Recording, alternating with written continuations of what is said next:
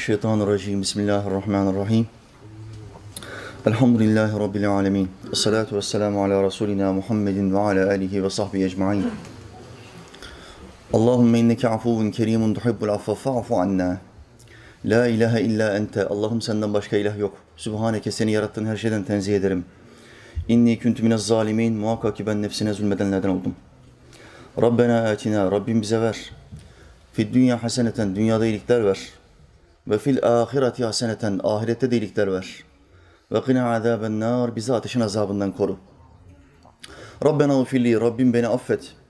Ve li valideyye. Anamı babamı affet. Ve lil müminine. Bütün müminleri affet.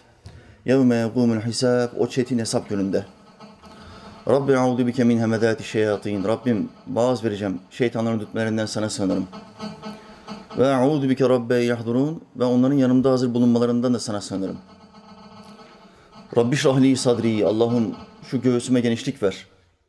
Ve yessirli emri. Yapacağım şu güzel işi bana kolaylaştır. Ve ahlul ugdeten min lisani. Şu dilimdeki düğümü çöz Allah'ım. Yefkahu kavli. Ki insanlar cümlelerimi çok kolay anlasın. Amin. Yerleri ve gökleri aletsiz yaratan Allah'ımıza yarattıklarının nefesleri adedince hamdü senalar olsun.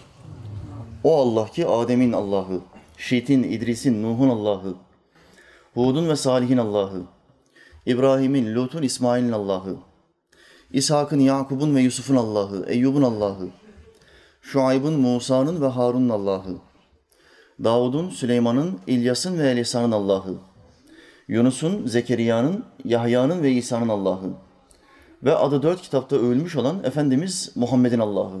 Sallallahu aleyhi ve sellem. Allah'ımızın bütün peygamberlerine selam olsun. Rabbimiz Teala o peygamberlerin ruhaniyetini şu güzel ilim meclisimize göndersin. Bizim için ona istiğfar etsinler. Amin. Bu akşam Rabbim nasip ederse Muhammed Suresi 31. ayet-i kerime. Bunun tefsirini yapacağız. Ayet-i kerimenin hülasası, özeti Allahü Teala Hazretlerinin bizi neden sınav ettiği. Bu akşam bunu anlayacağız. Neden Allah bizi sınav etmeye ihtiyacı hissetti? Buradaki herkesin cennete mi gideceğini, cehenneme mi gideceğini Allah biliyor mu, bilmiyor mu? Aranızdan bir tanesi derse ki bilmiyor zaten Müslüman değildir. Allah'a cahillik, cehalet isnat etmiş olur, kafir olur. Muhakkak geçmiş ve gelecek, olmuş ya da olacak. Ne varsa Allahü Teala'nın ilminde bir noktadadır. Hepsi bir noktada bir çizgidedir. Allah Teala Hazretleri bunun tamamını bilir. Bilmesine rağmen peki neden bizi sınav ediyor? Madem biliyor hiç sınav etmeden bizi bazımızı cennete atsın, bazımızı cehenneme olayı kapatsın. Gerek yok bu koşturmaya telaşa. Öyle değil. Neden yarattığını ve neden bizi sınav ettiğini bu akşam zikrettiği ayeti kerimesini açıklayarak çok iyi bir şekilde idrak edeceğiz. Kafamızdaki soru işaretleri yerini ilme, bilgiye, karanlık yerini aydınlığa bırakacak biiznillah. Euzu billahi mineşşeytanirracim. ولنبلونكم حتى نعلم المجاهدين منكم والصابرين ونبلو أخباركم صدق الله العظيم Muhakkak yüce olan Allah doğru söyledi. Allah'ımız buyurdu. Ve nebluvennekum Sizleri deneyeceğiz. Sizleri sınayacağız. Sizleri imtihan edeceğiz. Sizleri dediği kim burada? Müslüman ya da kafir fark etmiyor. Kafir olduğun zaman sınavdan, imtihandan kurtulmuyorsun. O da imtihan görüyor, o da hasta oluyor, o da ölüm yaşıyor, o da çocuğunu kaybediyor, o da karısıyla boşanıyor. Onlara da sınav var, bize de sınav var. Ama müminin başına gelen sınav bütün günahlarına kefaret oluyor. Ahiretteki derecesini de arttırıyor. Aradaki fark budur. Şimdi Allahü Teala Hazretleri kum diyor. Yani hepiniz. Ne yapacak? Hepinizi deneyeceğim.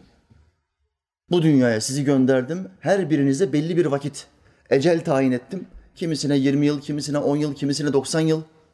Bu benim indimdedir. Ne yaparsanız yapın. Bunu ne ileriye atabilirsiniz ne geriye alabilirsiniz. Bu ecel zamanı içinde, size verdiğim zaman dilimi içinde sizi bazı günler böyle sınayacağım. Hiç hoşunuza gitmeyen meseleler çıkartacağım. Sıkıntılar ortaya çıkartacağım ve sizi sınayacağım. Bu sınamaların karşılığında meleklerin yapacağınız e, tavrı, takınacağınız tavrı kaliteli misin, çöp müsün? Bunu meleklerim kayıt altına alacaklar. 4K, 8K, HD kamera eşliğinde kayıt altına alacaklar. mahşer günü gittiğin zaman da sen hiçbir şeye itiraz edemeyeceksin. Bu sınavdır kardeşler. Allahü Teala bir ismi nedir? Zülcelali vel ikram. Önce hangi isim geliyor? Celal. Celal şiddetli, öfkeli demektir. Allah'ımızın isimlerinden bir tanesi. Sonra hangi isim geliyor? İkram. Allah bu dünyada celal yüzünü gösterir. Önce musibet, sınav, imtihan yüzünü gösterir ve hepimizin başına bazı sıkıntılar verir. Bazı imtihanlar verir. Bu sınavların sonucunda da o sınav hep öyle kalmaz. Muhakkak onu bir gün bitirir. Vel ikramı Zülcelal'in hemen peşinden gelir. Şu halde senin başına şu dünya hayatında herhangi bir sıkıntı, bir musibet geldiği zaman şöyle düşünme bu hiç bitmez. Bu hiç geçmeyecek. Yandık, kalıcı bu. Hayır, hayır. Tıpkı hava durumu gibi. Musibetler hava durumu gibidir. Hep değişkendir. Bir gün musibet olur, altı gün rahat gezersin. İki gün musibet olur, beş gün rahat gezersin. Ama havaların büyük çoğunluğu yağmursuzdur. Yağmuru musibet olarak anlayın diye söylüyorum. Dolayısıyla Allahü Teala aranızdan hangisinin başına bugüne kadar bir sürü sınav geçirdiniz. Sizi denedi birçok meselede. Bundan sonra da deneyecek. Son nefesimize kadar denenmeye, sınanmaya devam edeceğiz. Kalitemizi ölçmek için ve bize bunu ispat etmek için verdiğimiz sözde duruyoruz mu, durmuyoruz mu? Hatırlatmak için Allahü Teala bizi hep sınav edecek kardeşler. Mevla Teala Hazretleri böyle buyuruyor. وَلَنَّبْلُوَنَّكُمْ Sizi deneyeceğiz, sizi sınav edeceğiz. Hatta na'lemel mucahidine minkum. Aranızdan cihad edenler bilininceye kadar, ortaya çıkıncaya kadar sizi sınav edeceğiz. Biliyorsunuz insanlar iki türlü. Bir, ben Müslümanım diyenler, hiçbir şey yapmayanlar. Ben Müslümanım diyenler, köküne kadar bir şeyler yapmaya çalışanlar, insanların hayatını kurtarmaya çalışanlar. Bakın iki sınıf Müslüman var ülkemizde. Biri diyor ki ben Müslümanım, hiç namaz kılmıyor. Hiçbir ibadette bulunmuyor. Faiz alabildiğine, göz zinası, zina, kumar, fuhuş alabildiğine devam ediyor. Ama hala ben Müslümanım demeye devam ediyor. Öbür adam da sakınabildiği kadar haramlardan sakınıyor ve yine ben Müslümanım diyor. İki adam da ben Müslümanım diyor. Münafıklara sorduğun zaman ne diyorlar? Biz de iman ettik. Münafıklar diyor ki biz de iman ettik. Muhammed Aleyhisselam'a geliyorlar. Sahabelere diyorlar ki biz de sizin gibi iman ettik. Münafıkların özelliği Müslümanların yanına geldikleri zaman onlardan gibi görünmeleridir. Bir maske takıyorlar. Ama ne zamanki kafirlerin, müşriklerin yanına gidiyorlar, maskeyi çıkartıyorlar ve diyorlar ki biz hayır putlara tapıyoruz. Münafıkların özelliği bu. Ama onlar da iman ediyoruz diyor. Biz bunu nasıl ayıracağız? Nasıl ortaya çıkacak? Savaş çıktığı zaman, cihat ilanı geldiği zaman münafık siner. Hiçbir yerde göremezsin onu. Köşesinde bekler.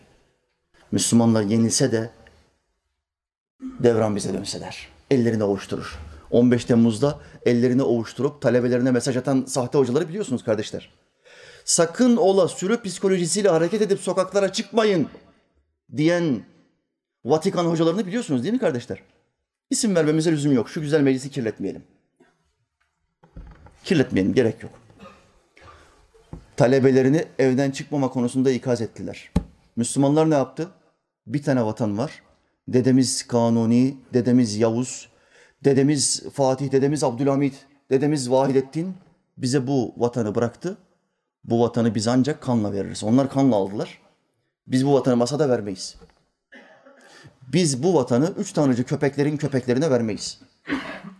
Biz bu vatanı ancak kanla veririz. Çünkü dedelerimiz kanla aldı. Parayla alsan parayla satabilirsin. Değeri o kadardır, para kadardır. Vatanın değeri ise kan ve kemikle alındığı için ancak kan ve kemik vererek, vererek, dökerek, kırılarak verilebilir. Savaşırsın, kaybedersin. İşte Allahü Teala Hazretleri ayetin bu kısmında diyor ki, münafıklar da diyor ki ben iman ettim. Müminler de diyor ki ben iman ettim. Şimdi nasıl ortaya çıkacak bu? Cihat çağrısı geldiği zaman Allah'ın peygamberinden övgüler ve selam efendim olsun. Münafıklar nerede? Benim bahçemle uğraşmam lazım. Tam hurma zamanı şimdi. Bu hurmaları toplamam lazım benim. Sohbet var kardeş. Benim çantalarımla uğraşmam lazım. Müşteri gelecekti hocam 10 bin TL'lik sipariş var. Şimdi sohbet başka zaman yapar. İnternetten seyrederim hocam. Kardeşim Fener'in maçı olduğu zaman stada gitmeyi biliyorsun ama. Niye internetten seyretmiyorsun? Televizyon da veriyor açık. Niye seyretmiyorsun? Kombinem var hocam o kadar para verdim. 3000 TL saydım diyor. 3000 TL saydım diyor. Sen istediğin kadar 3000 TL say. Anadolu çocuğu 3 tane vurup gönderiyor. Bir şey değişmiyor yani. 10 tane maç yapsan 9'unu kaybedersin. Arada bu kadar kalite farkı var. Anadolu çocuğu. Bıçak gibi hepsi. Koymuş 3-4 tane de siyahi adam. Nefes aldırmıyorlar. Bizimkiler geberik.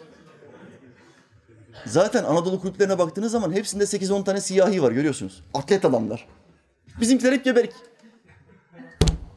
Şimdi cihat çağrısı geldiği zaman, namaz çağrısı geldiği zaman, dükkanında çalışıyorsun, oturuyorsun. Ezan geldiği zaman bu çağrı kime kardeşler? Bütün Müslümanlara. Kafire değil bu çağrı, Müslümanlaradır bu çağrı. Bütün Müslümanlara çağrı geliyor ama ezanı duyduktan sonra 150 esnafın 20'si namaza gidiyor. 130 tanesi dükkanda kalıyor. Ortaya çıkartmak için bilinsin diye, herkes bunu görsün diye biz sizi deniyoruz. Biz sizi sınıyoruz. Lafa gelince mangalda kül bırakmıyorsun. Oo bir savaş olsa da şu Yahudilerin hepsini kessem. Ya daha yorganı üstünden kaldıramıyorsun be. Ne Yahudisinden bahsediyorsun? Yorganı üstünden kaldıramıyorsun ya. Allah'tan kork. Bari boş yapma, bize boş yapma ya. Bu hafta gittiğimiz camide Hoca Efendi'nin tatil günüymüş. 100-150 kişi gittik camiye ya. İnsan tatil, hocanın tatili mi olur ya? İzin günüm ben namaz kıldırmaya gelemem demiş bizim kardeşe. Cübbeyi biz aldık, biz kıldırdık namazı. Ya bir yorganı kaldıramıyorsun. 100 tane, 150 tane genç gelmiş oraya. Sen bırak oraya gelmeyi. Oraya gelip bize namaz kıldırdıktan sonra bir de bize çorba ısmarlaman lazım. Benim camime genç gelmiyor. Hep 60'tan sonraki adamlar geliyor. Onlar da sandalyelerde namaz kılıyorlar. Biliyorsunuz şimdi taburelerde. Sen Antoine Camii. Sen Joseph Camii. Camilerimizin ismi değişmek üzere kardeşler. Sen Joseph camilerini göreceksiniz yakında. Camilerin kapısında Sen Joseph. Camilerin yarısına kadar sandalyeler, tabureler. Ön tarafta tabure yok. Arka taraflar tamamen tabure sandalye. Masaj koltuğu getirirlerse şaşırmayın. Bak bundan bir iki sene sonra masaj koltukları gelebilir. Bununla daha huzurlu, daha şuurlu kılıyorum hocam. Deyip de kendini savunabilirler. Bizim yaşlı amcalarımız. 50'den sonra namaza başlarsan böyle olur işte. Diyanet, Diyanetimizden çok güzel bir haber aldım. Ee, çok güzel bir açıklama yapmışlar. Bütün camilerdeki imamlara bildiri göndermişler. Ne kadar sandalye masa varsa bunların tamamını alın eskicilere verin. Camide bir tane sandalye masa olmayacak demişler. İnşallah imamlarımız biraz iradeli kuvvetli olur. Bunların tamamını kaldırırlar. İnşallah. Dolayısıyla kardeşler sen mümin misin yoksa münafık gönüllü müsün? Nerede belli olacak? Cihat meydanında. Zorlukta belli olacak. Ezan seni çağırdığı zaman benim namazım var diyeceksin. Diğer vakte gelmeden benim bu namazı kılmam lazım diyeceksin. Biz 50'den sonra başlayacağız hocam. Biz esnafız. Şimdi çok kazanmamız lazım. Zengin olalım. Rahat rahat bulunalım, rahat olalım. 50'den sonra biz bu namaza başlayacağız zaten. Niyetimiz var hocam. Demeyeceksin. Böyle bir şey yapmayacaksın. Sen eğer kaliteli bir Müslümansan yarın ölecekmiş gibi. Hemen yarın ölecekmiş gibi o gün son namaz gününmüş gibi. Sen bilsen ki yarın öleceksin. O gün namazları kaçırır mısın? Mümkün değil. Alnını secdeden kaldırmazsın. Öğle yemeği, akşam yemeği falan yok. Yarın gideceksin kardeş. Alnını secdeden kaldırmazsın. Nasuh tövbeleri, namazlar, zikirler. O gününü ibadetle geçirirsin ki Allah beni affetsin diye. Ama insanlar ebedi olarak yaşayacağını düşündüğü için, hiç ölmeyecekmiş gibi yaşayacağını düşündüğü için aldanıyorlar, kandırılıyorlar. Yakın menfaati sevmek kaçınılmaz bir temayül. Bütün insanlar yakın menfaati. Yani o anda elde edeceği şeyi, evi, arabayı, dükkanı, şöhreti buna yakın menfaat denir. Yani dünya, dünya sevgisi. Bunu sevmek bir temayül, bir istek. insani olarak beşeri bir sıfat. Allahü Teala dünyayı sevmeyi bize verdi. Ama akıl ve ruh da verdi ki bunu kontrol altında tutalım.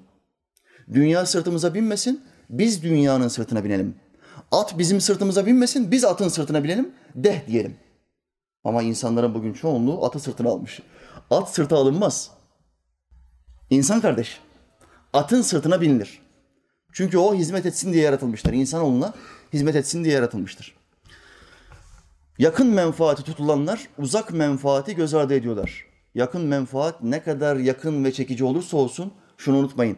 Geçici, bitici, Bitici bitecek bu. Bu kesin. O bitmese sen biteceksin. Ömrün bitecek. Ve ayrılacaksın ondan. Ayrılacağın kesin mi değil mi? Bana bunun cevabını ver. Yüzde yüz. Uzak menfaat. Uzak menfaat ne kadar uzak ve zor görünürse görünsün. Yani cennet ve cemalullah. Ne kadar zor görünürse görünsün. Şu kesin bitmeyecek. Ebedi olarak kalacak. Ama insan zayıf bir akla sahip olduğu için, zayıf ve küçük bir akla sahip olduğu için karınca zekalı. Yakın menfaate kendini kaptırıyor. Bütün gününü 10 saatini, 12 saatini ona veriyor. Uzak menfaat için, ebedi olan için bir saatini veremiyor. Bu büyük bir büyük bir akli düşkünlük değil midir? Bu bir zeka düşkünlüğü değil midir? Ha- Halife Harun Reşit. Bir de kardeşi var onun biliyorsunuz Behlül Dana. Allah dostu, birisi alabildiğine ma- maneviyatçı, ahiretçi, biri alabildiğine dünyacı, saltanat ehli bir halife. Harun Reşit diyor ki kardeşine, sana bir vazife vereyim mi? Ver. Ne yaptıracaksın bana diyor. Sen diyor çarşı ağası olacaksın. Bilirsiniz şimdi e, zaptiye, zabıta, zabıta, çarşı ağası. Onlara zabıta deniyor. Bu vazifeyi sana verdim diyor. Behlül Dana çarşıya çıkıyor, fırıncıya giriyor. Diyor ki ver bir ekmek. Ekmeği alıyor, tartıya koyuyor. 150 gram eksik. Bu ne demektir kardeşler? Kul hakkı. İslam'ın en titiz olduğu şey kul hakkı. 150 gram eksik. Şimdi fırıncıya soruyor tarttıktan sonra. Diyor ki geçimin nasıl? Halinden memnun musun? Hayatın nasıl gidiyor? Hanımınla aran nasıl? Ailenle aran iyi mi? Neyi sorduysa Behlül Dana fırıncı diyor ki çok berbat. Hiç huzurum yok, hiç mutluluğum yok. Hayatım berbat gidiyor. Hanımla her gün böyleyiz. Kavga gürültü. Çocuklar beni takmıyor, saygı duymuyorlar. Hayatım berbat. Peki diyor çıkıyor oradan başka bir fırıncıya gidiyor. Bir ekmek alıyor, tartıyor. Bu sefer 50 gram, 100 gram fazla geliyor ekmek. Aynı fırıncı, başka fırıncıya, o diğer gittiği fırıncıya diyor ki hanımınla aran nasıl? Yaşamın güzel mi? Bereketin var mı? Muhabbetin var mı? Deyince adam diyor ki her şey güzel elhamdülillah. Huzurluyum, mutluyum, ibadetimi de yapıyorum. Paramı da kazanıyorum. Hanımım da bana karşı çok müşfik, şefkatli. Her şey güzel gidiyor, huzurluyum diyor. Behlül Dana dönüyor abisine. Abicim diyor ben bu vazifeden sıkıldım, bu vazifeyi benden al. Ya diyor daha bir gün dayanamadın. Sana bir vazife verdim, hemen sıkıldın. Çocuk musun sen? Bu vazifeyi yapmaya hacet yok diyor. Çünkü çarşının, pazarın bir sahibi var. Bu sahip yanlış yapan kul hakkına girenin vicdanını sızlatıyor. Hayatına öyle sıkıntılar veriyor ki hep huzursuz, hep mutsuz. Bir o çarşının bir sahibi var, bir zabıtası var. O zabıta kul hakkına girmekten korkan sağlam Müslümanların kalbine öyle bir mutluluk ve huzur veriyor ki adam dünyadayken cennette gibi. Öyle bir zabıta varken, o Allah varken benim gibi bir zabıtaya ihtiyaç yok diyor. Gerek yok. Bakın Allahü Teala Hazretleri bizi İslam fıtratı üzere yarattı. Bütün insanlar doğumuyla beraber, hayata gelişiyle beraber Müslümandırlar ve iyiliklere meyyaldirler. Kalbimiz ve ruhumuz ve aklımız ilk olarak bizi her zaman iyi şeye sevk eder.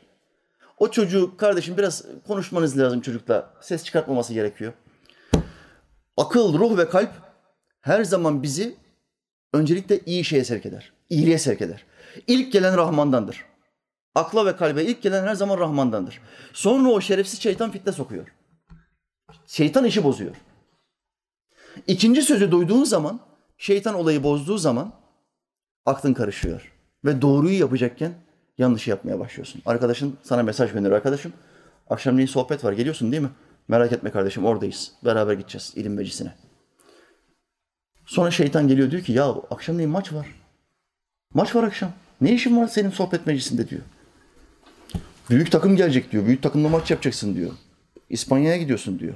Akşam kalıyor Şampiyonlar Ligi'ni tercih ediyor. Bak ilk gelen Rahman'dan, ikinci gelen şeytandan. İspanya'ya gidiyor, altı tane yiyor, geliyor. Ha, önümüzdeki hafta boynu bükük yine bize geliyor. Bir de yediği tarih de 6 Kasım. Ya tesadüfün bu kadar olur. Niye kardeşim? Niye burada ilim meclisi varken uzak uzak yaşama, ebedi hayata bir menfaat varken sen niye geçici olan menfaate, nefsin isteğine gittin? Çünkü şeytan geldi fitne soktu ve aklı zayıf olduğu için, ilmi zayıf olduğu için aldandı, kandı. Vicdan denilen bir mesele var. Bir günahı işlediğin zaman kalp titremeye başlar. Kalbin titrer. Buna vicdan denir. Kalbi tırmalar günah. Bak Allahü Teala seni daha günah işlediğinde yanında hoca falan yok. Seni uyarmıyor, bu haram demiyor. Vicdanın seni uyarıyor. Titremeye başlıyor hemen. Bir günah işliyorsun, bir gıybet yapıyorsun. Birine öfkeleniyorsun, bağırıp çağırıyorsun. Arkasından konuşuyorsun, atıp tutuyorsun. Kalbin tırmalıyor. Daha kalbin bile seni ikaz ediyor. Bu fıtrattır. Her doğan çocuk İslam fıtratı üzere doğar. Sonra annesi ya da babası onu Yahudi yapar, Hristiyan yapar ya da Mecusi yapar. Bu hadis-i şeriftir. Dolayısıyla kardeşler Allahü Teala Hazretleri hepimizi sınav ediyor. Çünkü doğru, hakikat ortaya çıksın diye. Bakın Muhammed Aleyhisselam buyurdu. Üç şey insan için fitne vesilesidir. Allahü Teala'nın bize verdiği üç şey herhangi biri için fitne vesilesi. Bunlar güzel saç, güzel yüz ve güzel sestir. Allahü Teala insanların bazısına güzel saç verdi. Bazısına güzel yüz vermedi. Vasat bir yüz verdi. Bazısına vasat bir yüz verdi ama çok güzel bir ses verdi. Sesi harika. Adam bir kıraat yapıyor, bir Kur'an okuyor. Sabaha kadar dinlersin. Bu onun için bir fitne aslında. Bir imtihan, bir sınav aslında. Bu ses güzelliği verdiği, Allah'ın ses güzelliği verdiği bu hoca, bu hafız verdiği bu güzelliğin kendisinden olduğunu düşünüyor. Ve herhangi bir yere Kur'an okumaya davet edildiği zaman diyor ki bin TL.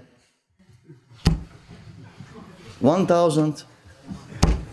Ne oldu senin Müslümanlığına? Para karşılığı Kur'an okumak ateş değil midir? Sen Muhammed Aleyhisselam okumadın mı?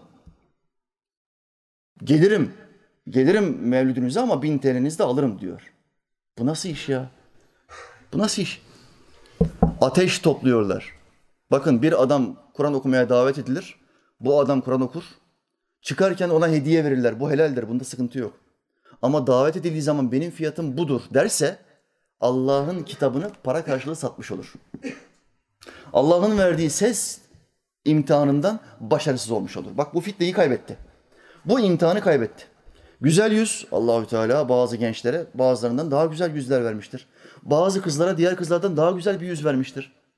Daha güzel saç vermiştir. Bunların üçü de sınavdır, imtihandır. Mevla bazınızı nimetlerle, bazınızı musibetlerle sınav edeceğim diyor başka ayeti kerimede. Bakın. Nimetle de sınav ediyor, musibetle de sınav ediyor.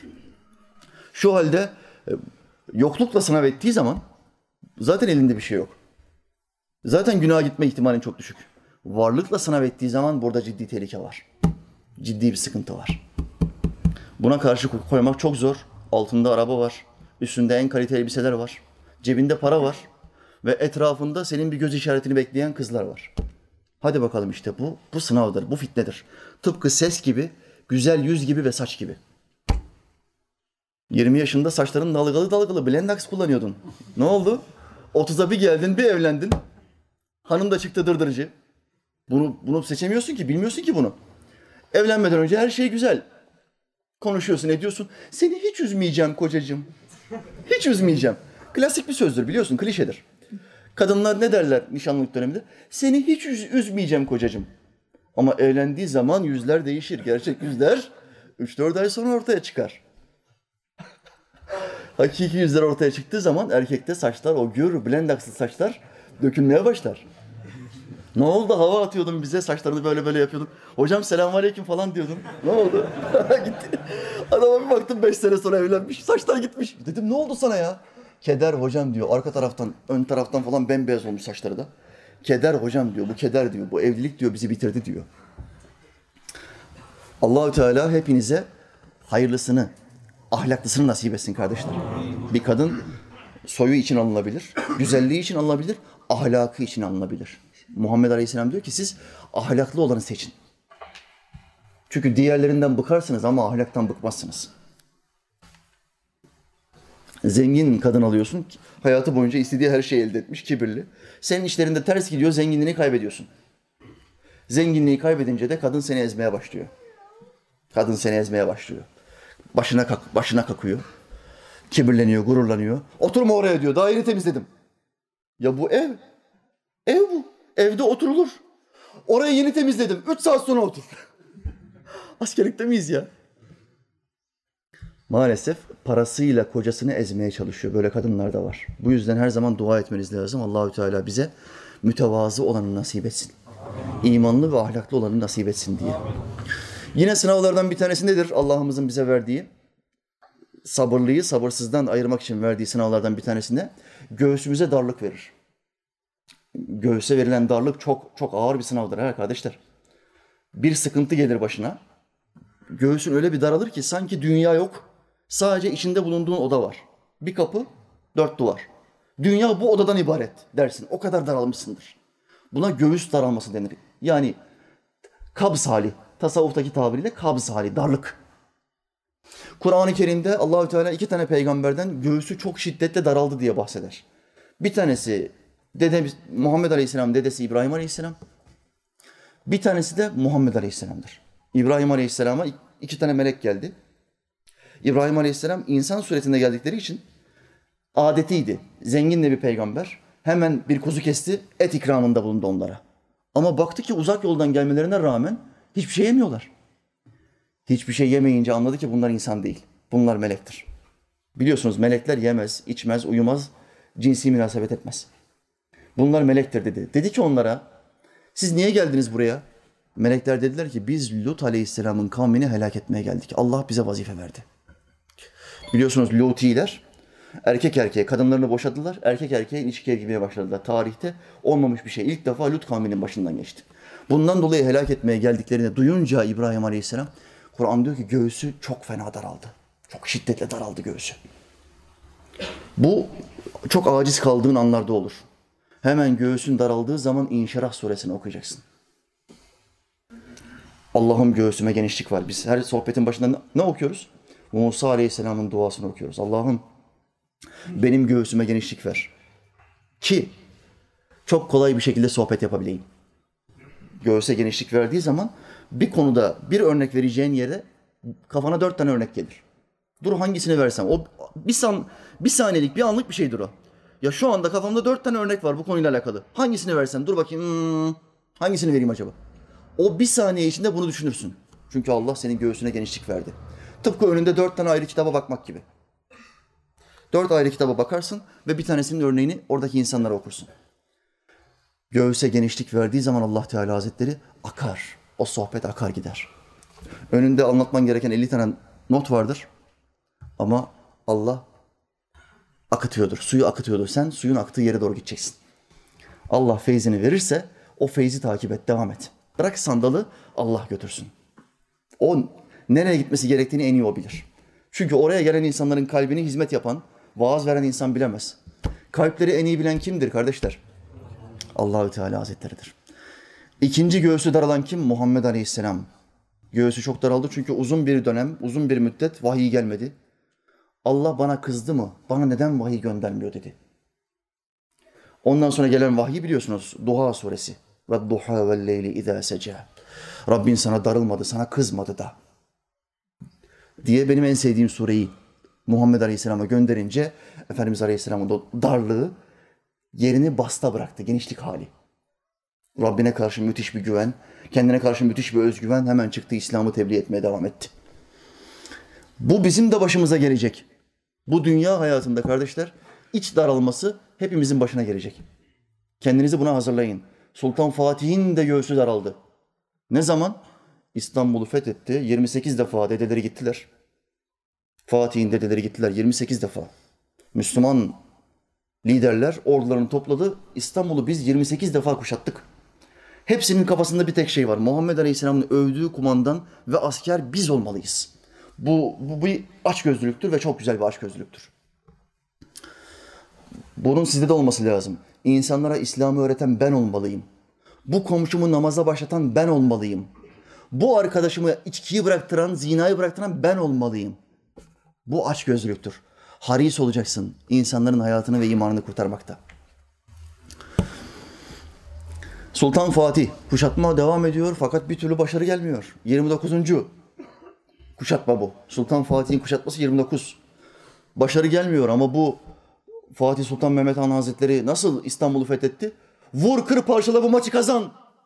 Böyle mi? Strateji, plan, devamlı plan kurdu kafasında. Çocukluğundan itibaren kafasında bir tek şey var.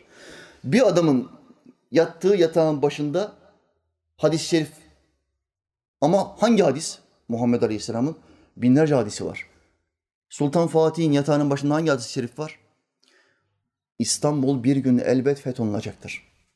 Onu fetheden kumandan ne güzel kumandan, onu fetheden asker ne güzel askerdir. Yatağının başında bu var. Senin yatağının başında Beşiktaş posteri. Bir de gavur topçu, üç tanrıcı topçuyu oraya koymuş, Beşiktaş posteri. Sonra diyor ki hocam evimde hiç bereket yok. Melekler benim evime gelmiyor mu acaba? Ya üç tanrıcı adamı oraya örnek, rol model olarak koymuşsun ya. Bari Müslüman koysaydın. Canlı resmi olduğu zaman bir eve melekler gelir mi? Heykel olduğu zaman heykel, canlı resmi. Gelir mi melekler o eve? Rahmet melekleri girmez diyor Muhammed Aleyhisselam. Bu insan sözü en doğru olan insandır. Övgüler ve selam efendim olsun. İşte Fatih ufaktan itibaren aldığı eğitimlerle hep plan kurdu. Anadolu Hisarı'nı yaptı.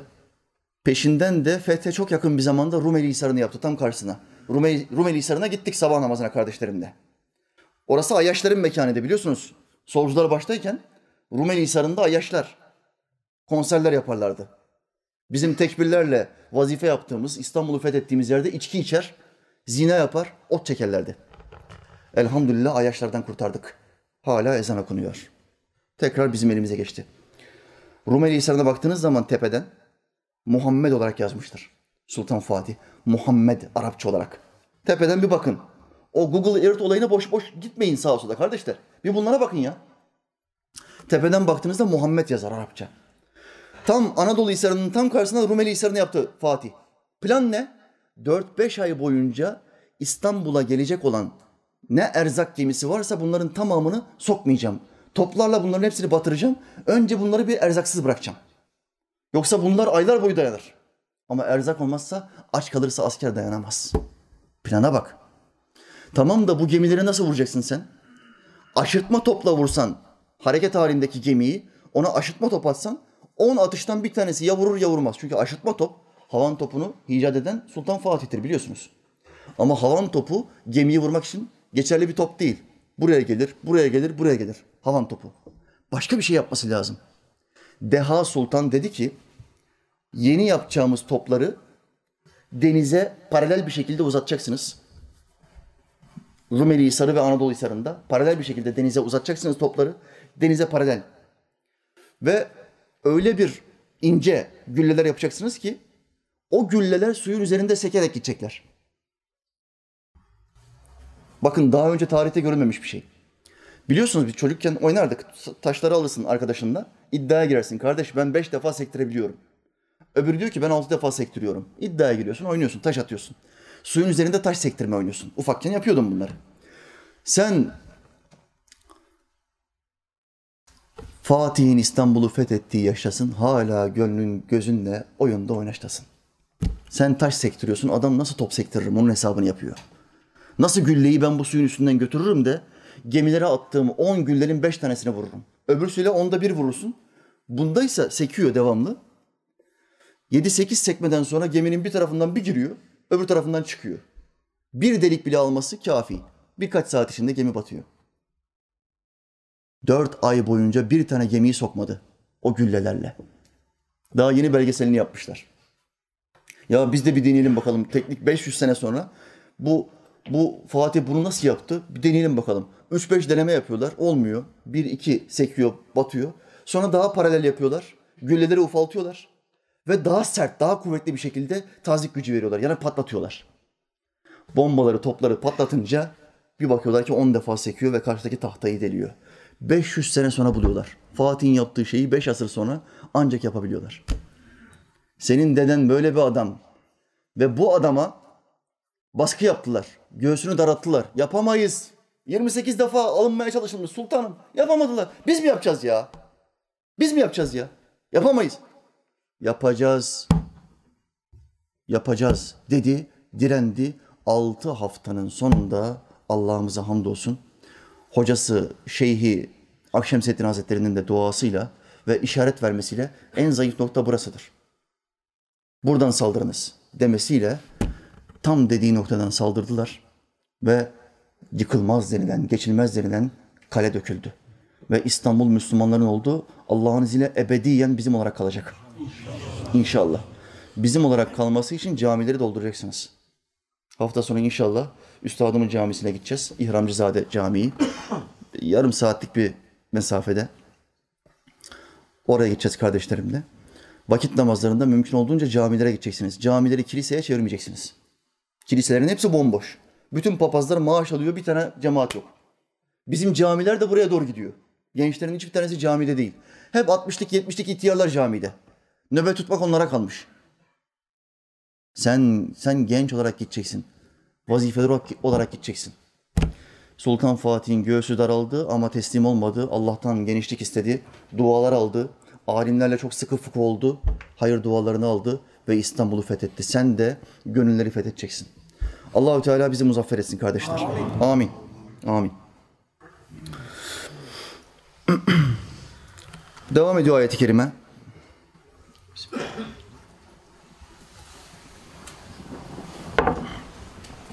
Aranızdan cihad edenleri bilinsinler diye, ortaya çıksın diye hepinizi deniyoruz, deneyeceğiz, sınav edeceğiz. Ve sabirine, sabredenler ortaya çıksın diye hepinizi sınav edeceğiz. Müminler savaş meydanında sabırlıdırlar, ayakları sabittir. Münafıklarsa en ufak bir gürültüde, en ufak bir rüzgarda titrerler ve kaçarlar, meydanı terk ederler.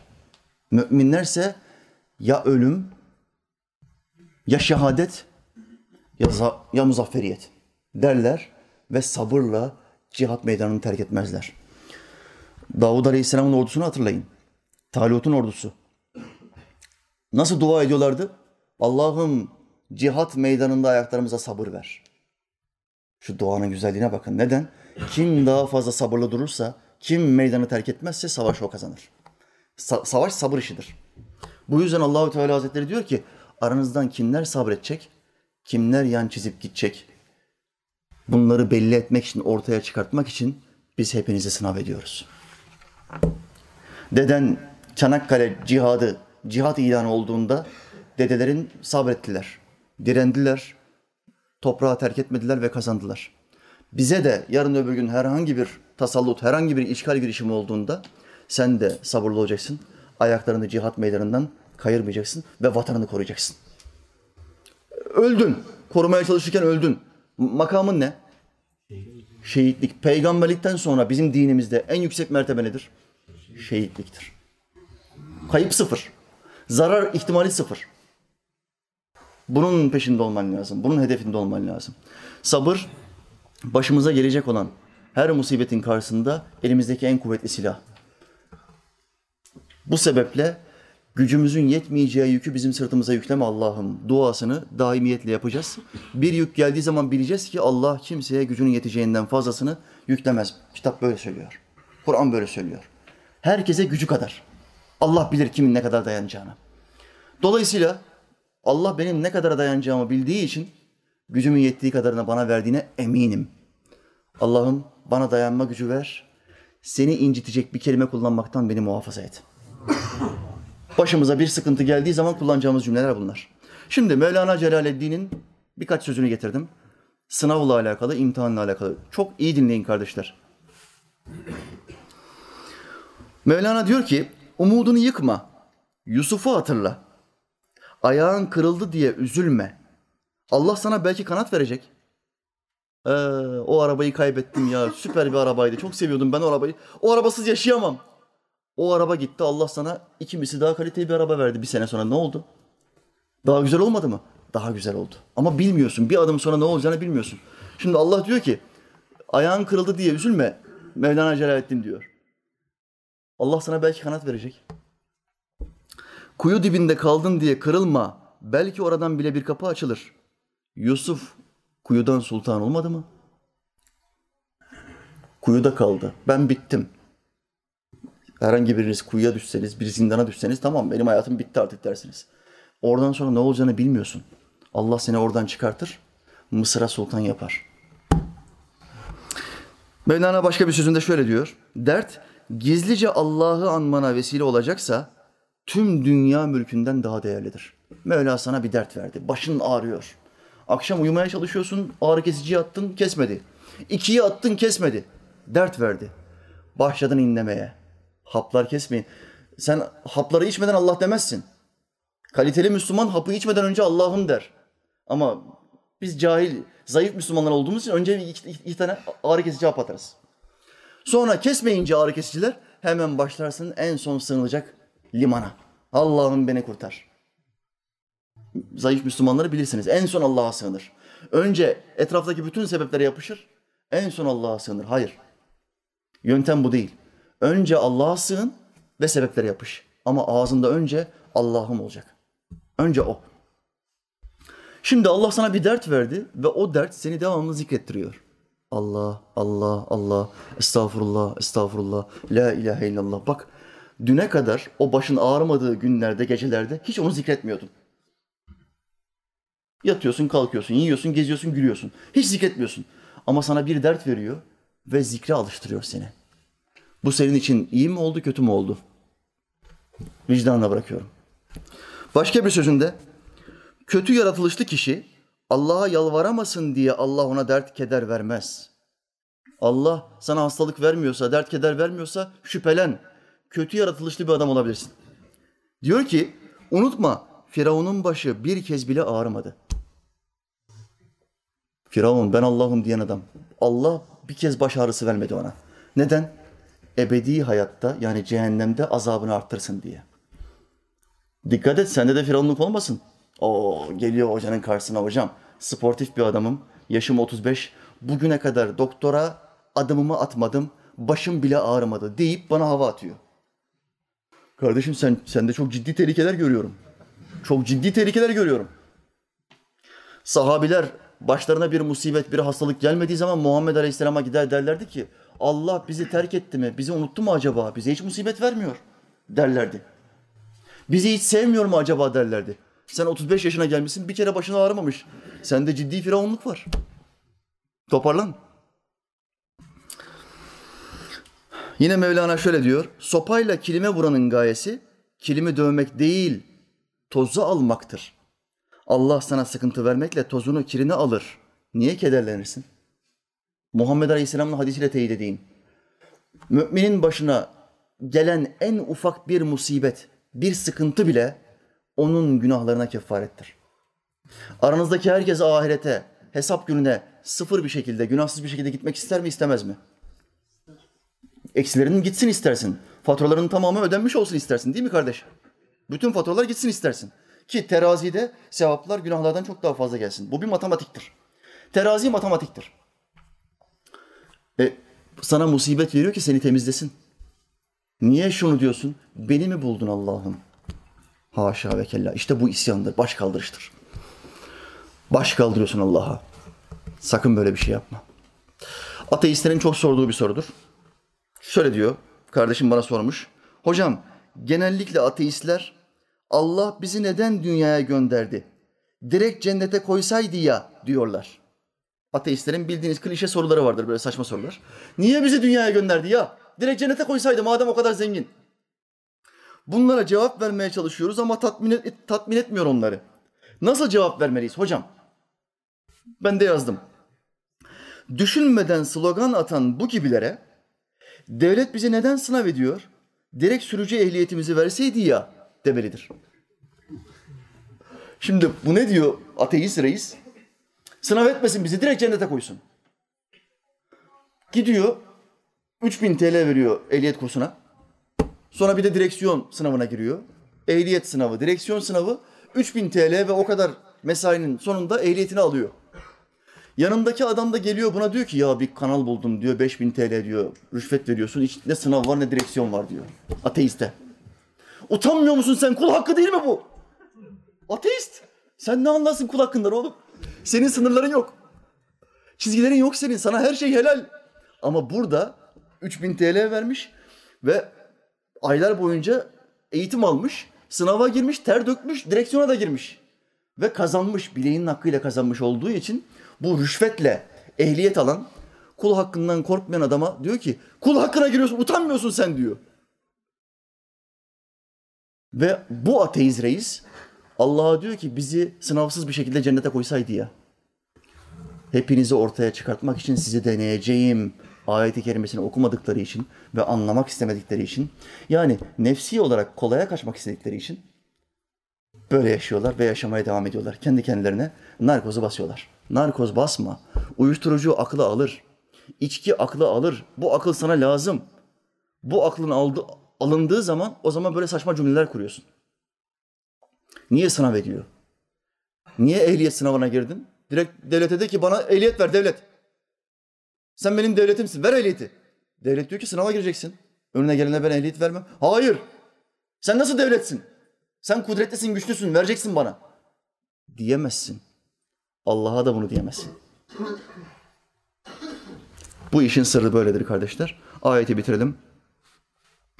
Ve sabirine sabredenleri ortaya çıkartmak için ve nebluve ehbarakum haberlerini ortaya çıkartmak için sizi deneyeceğiz. Haberlerinizi, sözlerinizi ortaya çıkartmak için sizi deneyeceğiz. Herkes atıp tutuyor. Herkes bazı sözler söylüyor.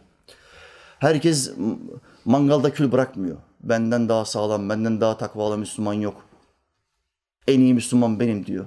Ama işte er meydanda belli oluyor. İlim meclisin var mıdır? Her hafta gittiğin bir ilim meclisi var mıdır? Yok.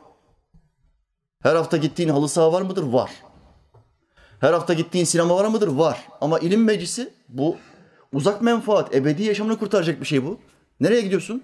Muhakkak her Müslüman her hafta bir ilim meclisinde olmak zorunda. İlim kadın erkek her Müslüman üzerine farz diyor Muhammed Aleyhisselam. Ne ilim meclisine gidiyor, ne sohbet dinliyor. Hem diyor ki ben çok şey biliyorum. Böyle iş olur mu? Bu sözleri söyledikten sonra hakikati ortaya çıkartmak için, kaliteni ortaya çıkartmak için yerine getireceksin. İşi yapacaksın, meydanda olacaksın. Müslümanın meydanı hacdır, umredir, mescittir, camidir. Allah için gelin şu camilerimizi, mescitlerimizi, ilim yuvalarımızı şenlendirelim. Allahü Teala Hazretleri bu ayet-i kerimeyi anlamayı, idrak etmeyi, yaşamayı bizlere nasip etsin. Amin. Amin. Camilerimizi şenlendirmeyi bize nasip etsin. Camilerimizi kiliseye dönmekten korusun. Amin. Vaktim varsa kardeşim bir iki hidayet mesajı okuyayım.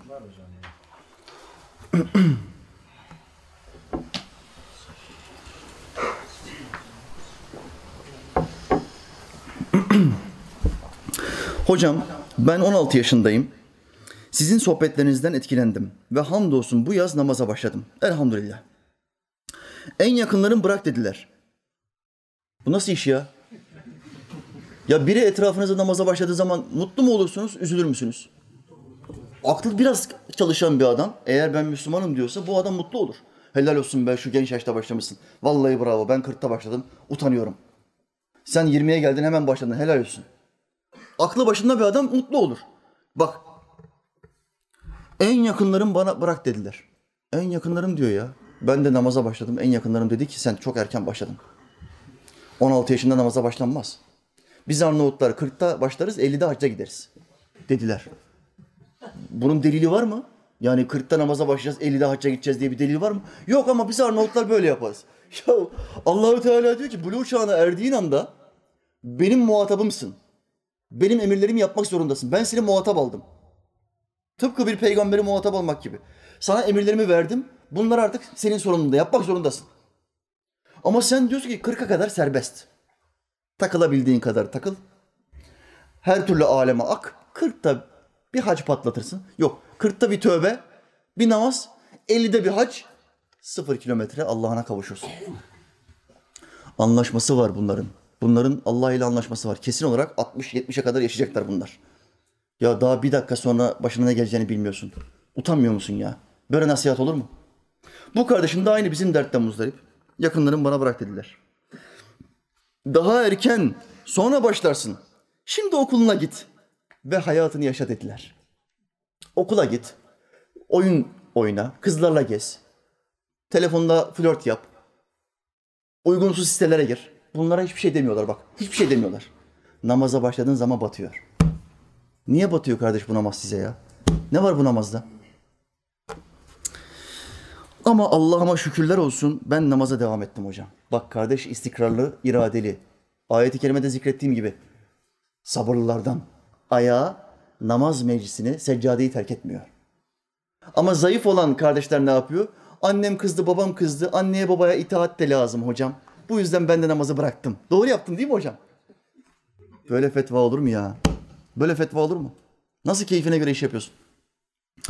Allah ile ana babanın sözleri çakışırsa kimi dinleyeceksin? Seni anan baban yaratmadı. Onlar vesile. Allah anana babana o çocuğu vermeseydi yani seni vermeseydi onlar 5000 defa bile beraber olsa çocuk olmazdı. Bugün dünyada böyle aileler yok mu? Trilyarlık adam, trilyarlık. 20 tane fabrikası var. Bir sürü şirketi var. Çocuk sahibi olamıyor. İkinci hanımı almış, yine çocuk sahibi olamıyor. Bak, Allah vermiyor. Onu vermemekle mal vermiş ama evlat vermemiş. Vermemekle sınav ediyor.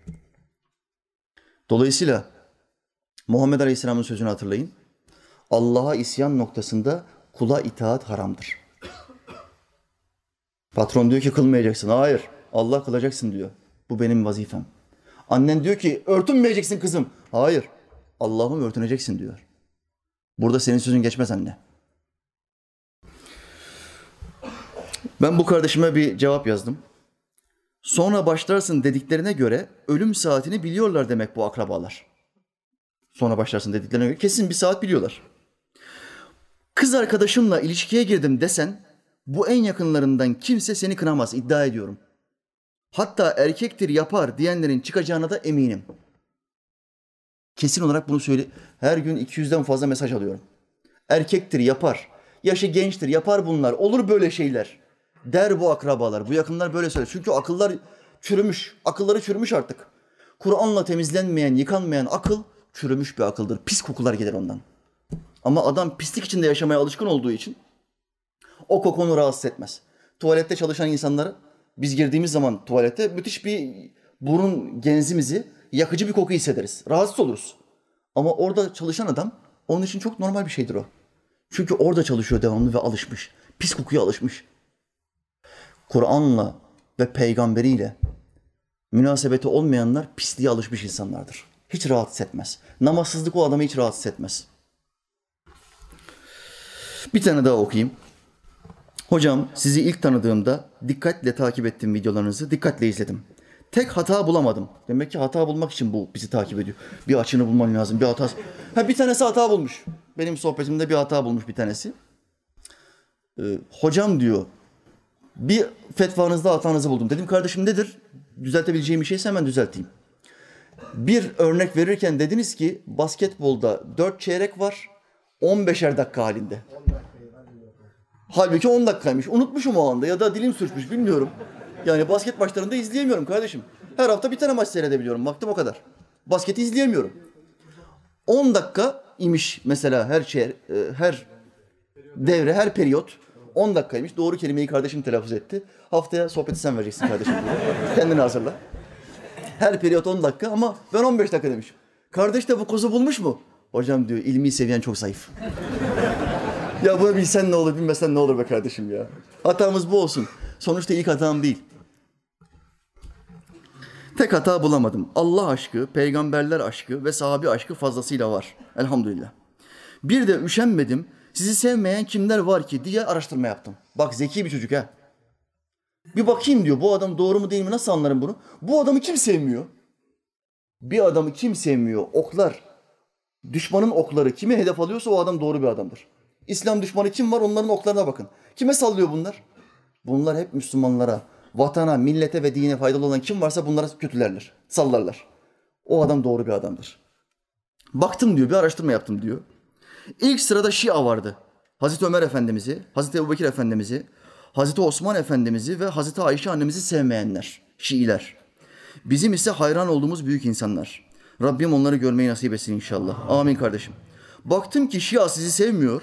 Sonra FETÖ'cüler ve Mustafa İslamoğlu sevmiyor. Bu FETÖ ile Mustafa, Musti beni hiç sevmez. Hiç sevmez. Mustafa demiyorum çünkü bu protokolü ben sevmiyorum diyor. Muhammed diyor bizim peygamber yani. Muhammed. Aleyhissalatü vesselam demen lazım abi. Olmaz bu ayıp. Protokol ben sevmem diyor. Bizim Muhammed. Belediye başkanıyla karşılaştığında da şöyle diyor. Sayın İsmail Bey nasılsınız? sayın, sayın. Ne bu? Protokol değil mi bu? Ama bu tür yanlı hocaların, bu tür kukla hocaların ilmi bu kadar, imanı bu kadar, ahlakı bu kadar, saygısı bu kadar. Taklit yapıyor. Muhammed Aleyhisselam'a gelince protokol, ben Aleyhisselam ya da salavat getirmem, Aleyhisselatü Vesselam demem diyor. Belediye başkanını görünce, Sayın Ahmet Bey nasılsınız, iyi misiniz diyor. Böyle maske olur mu? Biz yer miyiz oğlum? Biz Arnavutuz, bak şu gözlere. Bak şu gözlere. I am on you. Sonra FETÖ'cüler sevmiyor, FETÖ'cüler. Çok şükür bunları hapse attılar. Bunlar bir dışarıda çıksa, baştaki hükümet devrilse, solcular başa geçse ilk çıkacaklar kimler? PKK'lılar. İki, FETÖ'cüler. Bunların tamamı içeriden çıkacak. Kanunları çıkartacaklar. Teröristlerin tamamını salacaklar. Üç, DAEŞ dışarıdan içeriye girecek. Üç tane terör örgütü. İç savaş. Hemen bu sefer ehli sünnet hocalar, alimler içeriye alınmaya başlayacak. Teröristler çıkarsa alimler içeriye girer. Bu hep böyledir. Alimler dışarıdaysa, halkı uyandırırsa teröristler içeriye girer ya da sürülür. Teröristler dışarıya çıkarsa alimler öldürülür, asılır ya da içeriye atılır. Kendi kendime dedim ki bu hoca işte aradığım hoca. Yüce Allah sizi başımızdan eksik etmesin. YouTube'dan paylaşımlarınızı takip ediyorum. Allah sizden milyonlarca kez razı olsun inşallah. Amin sevgili kardeşim. Allah sizden de razı olsun. Rüyanızda Peygamber Efendimiz Aleyhisselatü Vesselam'ı görün inşallah hocam. Amin kardeşim. Bugüne kadar üç defa görmek nasip oldu. İnşallah otuz defa daha görürüm. İnşallah. Size sımsıkı sarılsın inşallah. Amin kardeşim. Yüce Allah'a emanet olun sevgiler. Kardeşim çok güzel dualar etmiş, çok içten dualar etmiş. Sağ olsun ama bu iş sadece dua ile olmaz. Fiili dua da lazım.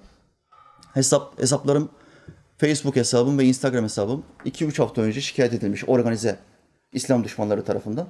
Aynı anda hesapları şikayet edince kısıtlama getiriyorlar hesaba. Etkileşim azalıyor, insanların görme potansiyeli azalıyor. Daha fazla şikayet olursa bu sefer hesabı kapatıyorlar. Şikayet etmişler. İki hesaba da 25'er gün canlı yayın yasağı geldi. 3-4, 2-3 haftadır canlı yayın veremiyoruz. Hem Instagram'dan hem Facebook'tan. Bu adamlar organize bir şekilde şikayet ettikleri için. Ben de bir yazı yazdım. Kardeşler dedim. Siz kılıç tutmayı sevmezsiniz. Kılıçtan korkarsanız bari kalkan tutun da sırtımı kollayın. Yorum yapmamız gerekiyormuş. Kardeşlere dedim nasıl iptal edeceğiz bu şikayeti? Hocam diyor paylaşımların altına yorum yapılması lazım ki etkileşim fazlalaşsın, şikayetler iptal olsun. Meğer her yorum bazı şikayetleri siliyormuş. Şimdi rakamları hatırlamıyorum. Ben de bir yazı yazdım. Kalkan tutun sırtımı kollayın ben hepinizin yerine tek başına Malkoçoğlu gibi savaşırım dedim. Bunlar gazı bir almışlar. Bir baktım arkadaş paylaşımı yaptım. Bir saat sonra bir baktım 15 bin tane yorum gelmiş. 15 bin yorum ya. Bu insanlar hakikaten hocaları seviyor. Hakikaten seviyor. Öbür tarafa baktım öbür hesabı 20 bin tane yorum gelmiş. Yeter ki hizmet devam etsin. İslam, İslam'ı anlatmaya devam etsin bu adam. Aman kısıtlamasınlar diye. Allah bütün destek olan kardeşlerimizden razı olsun. Amin. Bu işi bilmeyen bütün kardeşler bir sosyal medya hesabı açacaksınız. Ve ehli sünnet hocaları, alimleri takip edeceksiniz. Bidat ehli sapıklardan bahsetmiyorum. Bu işi ücretsiz yapan, Allah için yapan ehli sünnet hocaları takip edeceksiniz. Taasub ehli olmayacaksınız. Benim için sadece bu hoca var, başkası yok. Hepsi cahil. Hayır kardeşim ehli sünnetse yani 14 asırlık İslam anlatıyorsa bunların tamamı takip edilir, izlenilir, dinlenilir. Taasub ehli olmayın. Fanatik yap fanatiklik yapmayın kardeşler. Bunu yapmayın. Ehli sünnet olan bütün cemaatlerden istifade edebilirsiniz. Hepsinden öğrenebilirsiniz. Sosyal medya hesapları açacaksınız ve bütün paylaşımlar etkileşim halinde olacak. Siz de paylaşacaksınız. Bu cihat demektir. Paylaşım yaptığın zaman ne oluyor? Senin listende kaç kişi var? 300 kişi. 300 kişinin yarısı o paylaşımı görür. Yarısı girer bu sosyal medyaya bir günde, iki günde muhakkak giriyorlar. O paylaşımı görür. Şarkı paylaşımı göreceğine, çıplak kız paylaşımı göreceğine senden dini bir bilgi paylaşımı görmüş olur. Nereden biliyorsun? Bir tek sözden, paylaştığın bir tek sözden etkilenecek ve namaza başlamayacağını. Nereden biliyorsun? İçkiyi, zinayı bırakmayacağını nereden biliyorsun? Bunu bilmiyorsun. Sana düşen toprağa tohumu atmak. Onu bitirmek Allah'ın işidir. Sen tohumu at, paylaşımları yap, İslam'a hizmet et. Dilin dönmüyorsa dili dönenlerin dillerini dağıt. Onların dillerini dağıt. İnsanlara konuşsunlar. Allah hepinize tesir versin kardeşler. Amin. Bu cihadınızı Rabbim mübarek etsin. Amin. Sabırla bizi dinlediniz. İnşallah önümüzdeki haftaya iki yer davet ediyor. Ya o yerlerden bir tanesine gideceğiz şartlar uyarsa. Çok uzak olmazsa. Olmazsa yine burada beraber hizmetimizi yapacağız. Allah hepinizden razı olsun. Pazar sabahı Üstadım İhramizade İsmail Efendi Camii'nde olacağız. Orada namazımızı kılacağız. Oradan peşinden bir kahvaltı yiyeceğiz, evlerimize dağılacağız. Rabbim orada da buluşmayı nasip etsin. Allah hepinizden razı olsun. Allah'a emanet olun. Selamun Aleyküm.